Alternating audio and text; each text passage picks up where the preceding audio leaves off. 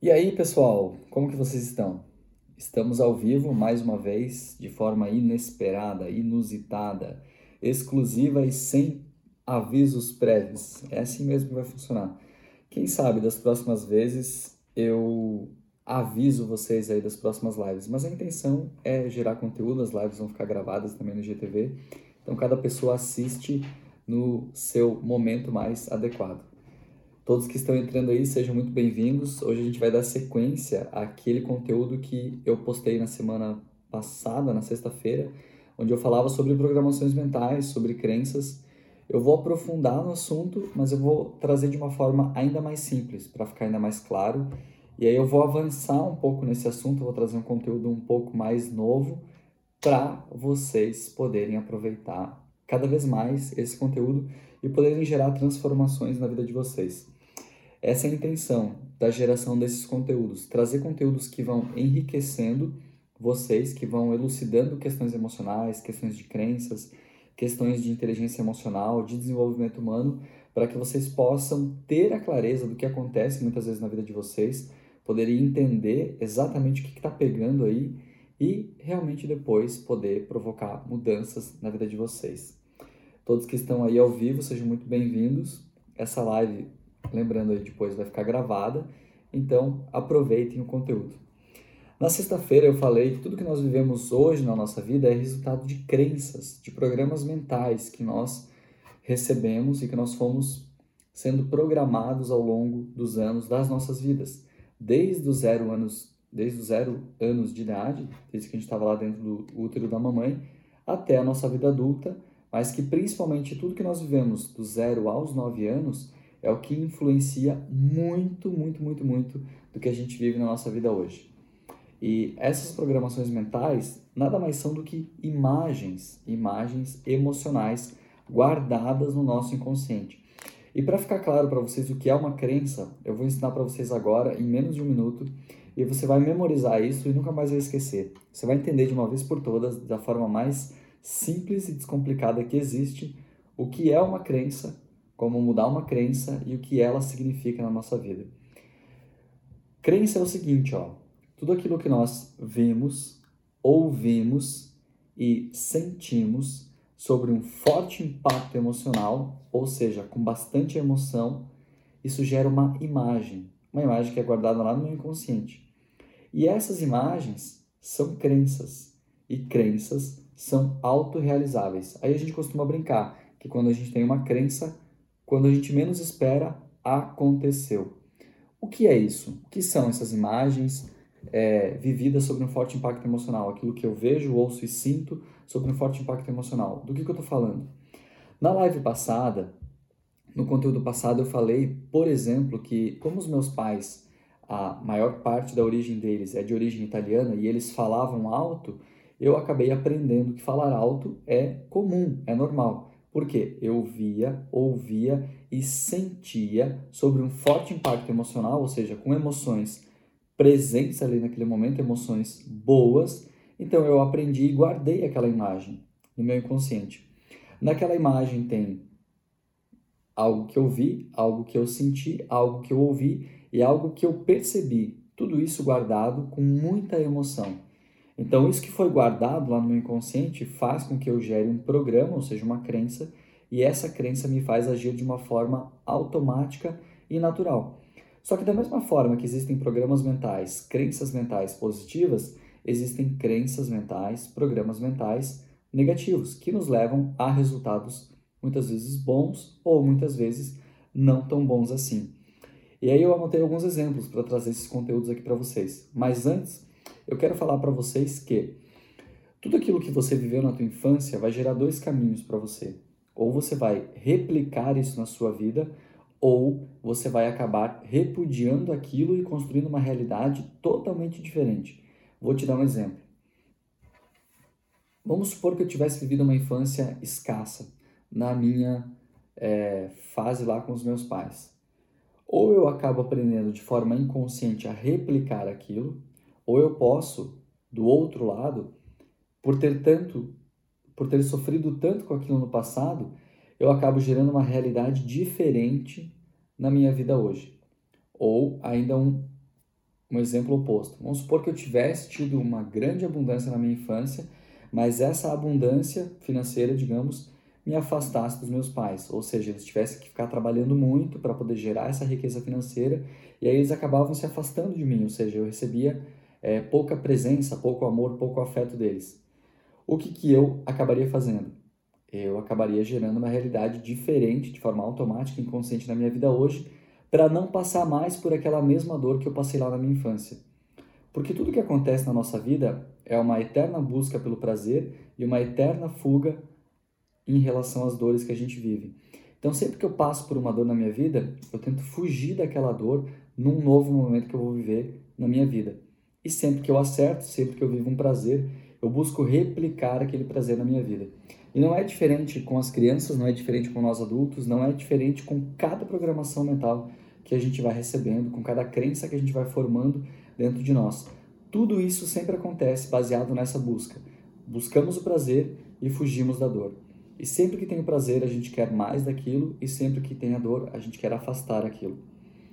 Só que o nosso inconsciente, ele sempre tem esses dois caminhos. Quando nós somos crianças, a gente vai gerando esses programas mentais, e ao longo da nossa vida, pelos exemplos que a gente vai vivendo, pelas emoções que a gente vai sentindo, a gente vai decidindo inconscientemente se a gente continua vivendo aquele caminho ou se a gente vai para o lado oposto daquilo.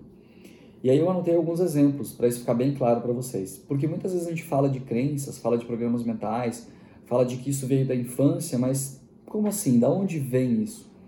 Então eu costumo dizer que a gente olha para o que está acontecendo hoje na nossa vida e baseado naquilo que está acontecendo hoje na nossa vida, a gente consegue resgatar a causa, a origem desse efeito que está acontecendo na minha vida hoje. Todos os resultados, eu falei isso na live passada, todos os resultados que eu tenho na minha vida hoje são fruto de algo que foi plantado, que foi semeado lá na minha infância, pelos meus pais, pelos meus colegas de infância, é, pelas minhas professoras, por todas as pessoas que faziam parte da minha realidade, pais, avós, tios, todos os exemplos que nós recebemos na nossa infância de forma emocional vão gerando esses programas emocionais. E esses programas emocionais vão fazendo com que a gente viva de uma forma automática no nosso dia a dia. Eu anotei aqui, ó, exemplos, tá? Eu gosto muito de trazer exemplos da minha família, porque faz muito sentido para mim a realidade hoje. Então, uma coisa que era muito comum desde que eu me enxergo por gente, digamos assim, desde que eu tenho lembranças da minha infância, eu sempre vi a minha mãe em casa e o meu pai trabalhando. Então, por um longo período, eu sempre tive uma crença inconsciente de que, e eu não estou dizendo que é certo ou que é errado, tá? Eu só estou dizendo que eu sempre, por um longo período da minha vida, tive essa crença de que o homem deveria sair para trabalhar e a mulher deveria ficar em casa para cuidar da casa. E, obviamente, em tempos de hoje, isso não é mais uma realidade.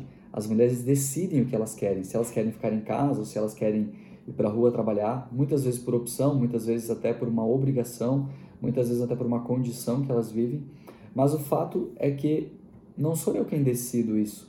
Quem decide isso é a pessoa que passa a querer estar do meu lado.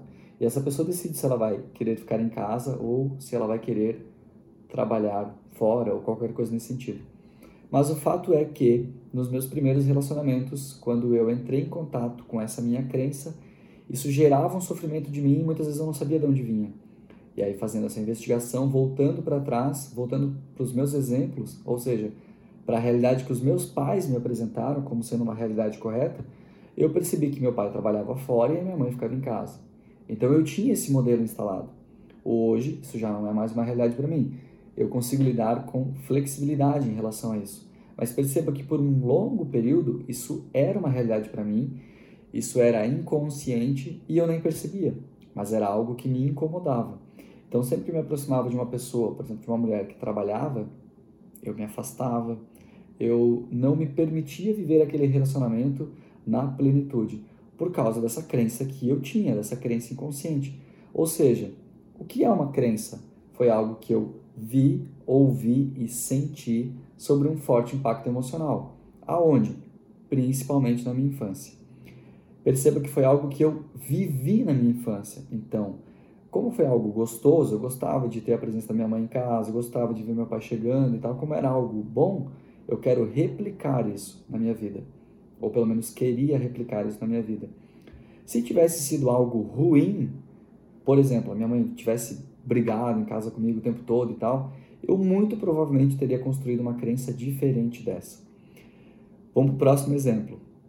Esses dias eu estava assistindo uma live é, do Dave Leonardo, é um cara que eu gosto de acompanhar, e nessa live ele estava falando algo que muitas vezes a gente julga a realidade do outro, a gente julga o que o outro está fazendo como errado, mas a gente não para para pensar ou para observar o que, que aquele outro está vivendo na sua vida. E aí ele traz exemplos bem radicais, inclusive. Eu gostei de ouvir aqueles exemplos dele porque ele fala o seguinte: se tem uma pessoa que está fazendo alguma coisa de errado na rua, se ela está. É, como é que eu posso colocar isso? Se aquela pessoa está demonstrando algum sofrimento na sua vida hoje, é porque lá no seu contexto familiar o sofrimento dela é ainda maior. Então, por exemplo, assim, muitas vezes a gente enxerga pessoas na rua estressadas, ansiosas. É porque muito provavelmente lá no seu ambiente familiar ela tem ou ela viveu situações ainda mais delicadas do que essa que ela está expressando ali naquele momento de vida.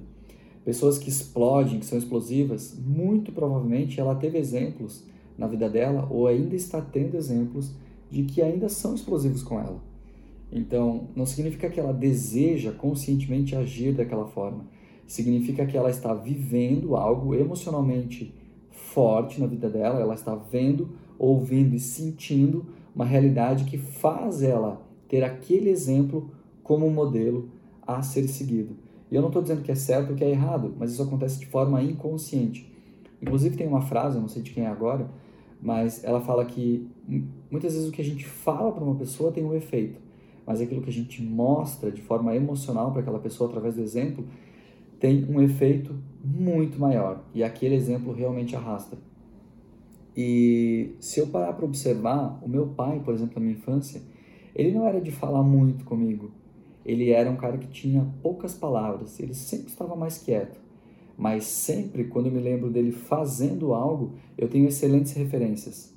E o que realmente importa é isso, na verdade, o que eu via ele fazendo, o que eu ouvia ele falando, o que eu sentia ele vivendo naquela realidade dele. Porque aquele exemplo fazia ou faz até hoje de forma inconsciente com que eu tome inúmeras decisões na minha vida. Então tem vários contextos que às vezes eu me pego pensando e nossa, mas o que meu pai faria nesse nessa situação? E aí eu lembro dele agindo de uma determinada maneira. Então, mesmo sem ele ter me falado, ah, filho, nessa situação você age assim, nessa situação você age assado. Só pelo fato de eu ter lembranças emocionais muito fortes de como ele agia, eu vou procurar agir da mesma forma. Por quê? Porque ele me deu exemplos disso. E nessa live do Dave, ele falou muito sobre o sofrimento das pessoas, porque muitas vezes a gente está sofrendo e muitas vezes está sofrendo calado com coisas que a gente não sabe nem o porquê, não sabe muitas vezes nem identificar direito as emoções que estão vivendo dentro de nós, mas muito provavelmente a gente aprendeu de uma forma emocional a viver aquilo. Só que o fato é, da mesma forma que eu aprendi de forma emocional lá no meu passado que homem trabalha fora e mulher não, eu tinha essa crença e eu mudei essa crença, inclusive as crenças de sofrimento podem ser mudadas desde que a gente entenda o que a gente está passando, de que a gente entenda que emoção que tem por trás, que significado que tem por trás. E isso é que eu quero produzir aqui com vocês nessas duas lives e nas próximas que eu vou trazer. Porque se você começar a gerar consciência de onde vêm esses teus programas mentais, essas tuas crenças, inclusive esses seus sofrimentos, pode ser que você consiga identificar, ah, então é porque eu vivi isso lá na minha infância ou na minha adolescência, então é por isso que eu estou vivendo dessa forma hoje. Vou dar um outro exemplo. A ansiedade. Quantas pessoas hoje não vivem de ansiedade? A ansiedade é uma coisa extremamente comum. Se a gente tivesse uma plateia aqui de 100 pessoas e eu pedisse para levantar a mão de quem já sentiu ansiedade ou sente ansiedade no seu dia a dia, talvez mais de 80, talvez até 90% das pessoas levantariam a mão dizendo que sim, sentem ansiedade hoje ou que já sentiram ansiedade na sua vida. Agora, se eu pedir para alguma pessoa explicar a ansiedade, Talvez essa pessoa não saiba me dizer o que é essa ansiedade, mas ela sabe quais são as reações no corpo, ela sabe o que ela está sentindo, o que ela pensa na hora. Talvez ela não saiba que ansiedade é medo. Medo, talvez, de alguma coisa que está por vir, medo, talvez, de alguma coisa que já passou, mas no final das contas, é justamente essa desconexão com o momento presente e essa conexão com algo que ainda não veio ou com algo que já passou. É um medo. Só que não basta ir lá e falar para essa pessoa não ser ansiosa, ou deixar de ser ansiosa, ou parar de pensar nisso. Por quê? Porque isso é fruto de uma crença que ela tem, de algo que ela viveu na vida dela, sobre um forte impacto emocional. Então, para essa pessoa deixar de ser ansiosa, ela precisa viver algo novo sobre um forte impacto emocional de uma forma positiva para remover aquela crença ali dela de que ela é ansiosa, para que ela passe a ser uma pessoa talvez calma, segura, tranquila. Percebem como isso acontece? Isso é fruto de coisas que nós vivemos, isso é orgânico, é químico, é tudo algo que nós vivemos na nossa vida. E isso vai gerando as nossas crenças.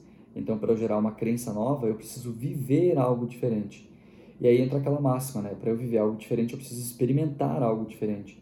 Eu preciso me permitir fazer algo que talvez eu nunca tenha feito para experimentar como é isso. Como que seria se eu não fosse ansioso? E se eu fosse calmo, seguro e tranquilo? Como é que seria a minha realidade? E se eu experimentasse, por exemplo, uma realidade diferente daquela que os meus pais viveram como casal, e eu experimentasse um relacionamento diferente, como que seria? Será que seria ruim? Será que seria bom? Eu não sei. Eu preciso experimentar para saber. Eu anotei aqui também. Bom, eu tinha anotado esses exemplos. E sempre que a gente fala de crenças, a gente está falando também de emoções que estão vinculadas a essas crenças. E geralmente são essas quatro emoções que eu vou te falar aqui agora. Essas cinco emoções: medo, raiva, egoísmo, alegria, amor, seis, e tristeza, seis emoções. Dessas seis emoções, dessas negativas que eu falei, dessas positivas, derivam todas as, as nossas outras emoções. E toda crença está associada a um sentimento e a uma emoção. Porque tudo que nós vivemos na nossa vida está associado a uma emoção. Eu nunca estou isento de emoção, eu nunca estou vivendo algo na minha vida sem estar sentindo uma emoção. Eu posso não estar percebendo ela naquele momento, mas eu sempre estou sentindo uma emoção. Seja alegria, seja tristeza, seja medo, seja raiva, seja egoísmo, sempre tem uma emoção por trás. E essa emoção dá origem a essa base de como eu guardo essa imagem que eu falei para vocês que são as nossas crenças. Então, por trás de toda a crença, por trás de todo o programa mental, tem uma emoção. Vou dar um exemplo. É, cada vez que eu penso ali nos modelos de relacionamento, né, o, que, que, eu, o que, que acontece? Sempre que eu me aproximava de modelos de relacionamentos que eram parecidos com aquilo que eu vivi, eu sentia emoções positivas. Porque é como se eu estivesse atendendo inconscientemente os exemplos e as imagens, os programas mentais que eu recebi. Ou seja, eu não estava quebrando um padrão, eu estava seguindo o modelo que tinha sido me apresentado lá na minha infância. Foi como eu aprendi. E sempre que eu sentia que eu estava quebrando um padrão daqueles exemplos que eu recebi, daquelas crenças que estão programadas no meu inconsciente, eu sentia uma espécie de sofrimento, uma emoção negativa, que muitas vezes eu nem sabia explicar. Então percebe que sempre associado a um programa mental sempre vai existir uma crença, sempre vai existir, aliás, sempre vai existir uma emoção, seja negativa ou seja positiva. Pessoas, por exemplo, que não conseguem tomar decisões sozinhas, são pessoas que muito provavelmente lá na sua infância os pais tomavam as decisões por elas. Então, sempre que elas estão frente à vida, precisando tomar uma decisão, elas estão rompendo um padrão que foi ensinado para elas. E elas estão ali esperando alguém decidir por elas. Então, sempre que alguém chega ali e decide por elas, elas se sentem bem. Ah, elas se sentem seguras, porque elas estão atendendo aquele padrão emocional que elas receberam. E sempre que elas precisam tomar a decisão, é como se uma parte delas ficasse ferida. E muitas vezes elas nem sabem por quê, mas é porque elas receberam exemplos de que as coisas funcionavam assim. E por aí vai, dá para dar vários e vários exemplos. Esses dias eu estava atendendo um cliente e sempre que ele chegava no ponto X de fazer algo que ele tinha planejado para conseguir o resultado que ele queria, ele não avançava. Ele planejava, planejava, planejava, mas na hora de fazer ele não fazia? E aí a gente identificou que tinha um bloqueio ali. E ele sentia medo de fazer aquilo que ele tinha que fazer. Só que por trás desse medo tinha uma outra história. Os pais dele, lá na infância, não encorajavam ele a seguir. E tanto fazia para eles se o filho tinha bons resultados ou maus resultados, seja em provas, trabalhos, em atividades da escola e tudo mais. Porque o que, que acontece? Quando a gente vai lá e comemora uma vitória com aquela criança, ela acaba associando que, a, que existe uma comemoração, existe uma vitória, uma alegria em ela dar o próximo passo. Então, pessoas que realizam com facilidade nas suas vidas, pessoas que conseguem dar os próximos passos nas suas vidas, são pessoas que receberam encorajamento dos seus pais, dos seus pais, seus professores, seus amigos, tios e das pessoas que estavam presentes na sua vida. As pessoas que não conseguem avançar são pessoas que não associaram ao avanço, à conquista, um benefício, uma alegria, uma comemoração. E tudo isso vai acontecendo no nosso cérebro dessa forma inconsciente e dessa forma associativa, de dores e prazeres. Quanto mais prazeres a gente associa aos resultados que a gente quer, mais fácil fica da gente buscar esses resultados. Imagina que eu estou fazendo essa live aqui com vocês hoje, é, acho que são 11 horas da noite, talvez já passou das 11 horas, acho que já é quase meia-noite, mas existe um prazer associado em estar fazendo essa live aqui com vocês, porque eu sei os ganhos que eu tenho inconscientes em estar fazendo isso. Agora imagine se isso fosse um sofrimento. Eu jamais estaria fazendo essa live nesse momento, nessa hora. Eu estaria fazendo em qualquer outro horário. Mas como eu não enxergo isso de uma forma negativa, ou seja, eu não tenho uma dor associada, é algo positivo, eu consigo fazê-la com tranquilidade. E talvez faria de madrugada, talvez faria à tarde, porque é algo natural para mim. Agora, se você me convidar para fazer algo que eu não tenho prazer, pode ser o horário que for, eu vou evitar, eu vou evitar fazer aquilo. Então, é assim que o nosso cérebro funciona, sempre com buscas de prazeres e sempre fugindo das dores. Bom, dito isso, eu acredito que hoje ficou bem fácil de entender o que são programas mentais, o que são crenças. É tudo aquilo que nós vivemos sobre um forte impacto emocional, seja vendo, ouvindo ou sentindo na nossa vida. E como é que eu desmonto essa crença, né? Como é que eu quebro um padrão de comportamento e vou para um novo padrão de comportamento, ou seja, como é que eu quebro uma crença e eu instalo uma nova crença, né? Uma crença mais fortalecedora na minha vida é vivendo algo sobre um forte impacto emocional. Claro, tem várias técnicas de reprogramação de crenças, né? De PNL, hipnose, por aí vai. Mas basicamente, se fosse forjar uma nova crença, é vivendo uma nova experiência. Então, sempre que você quer mudar uma crença sua, se permita ter uma nova experiência, diferente daquelas que você já teve até então. Experimente algo novo.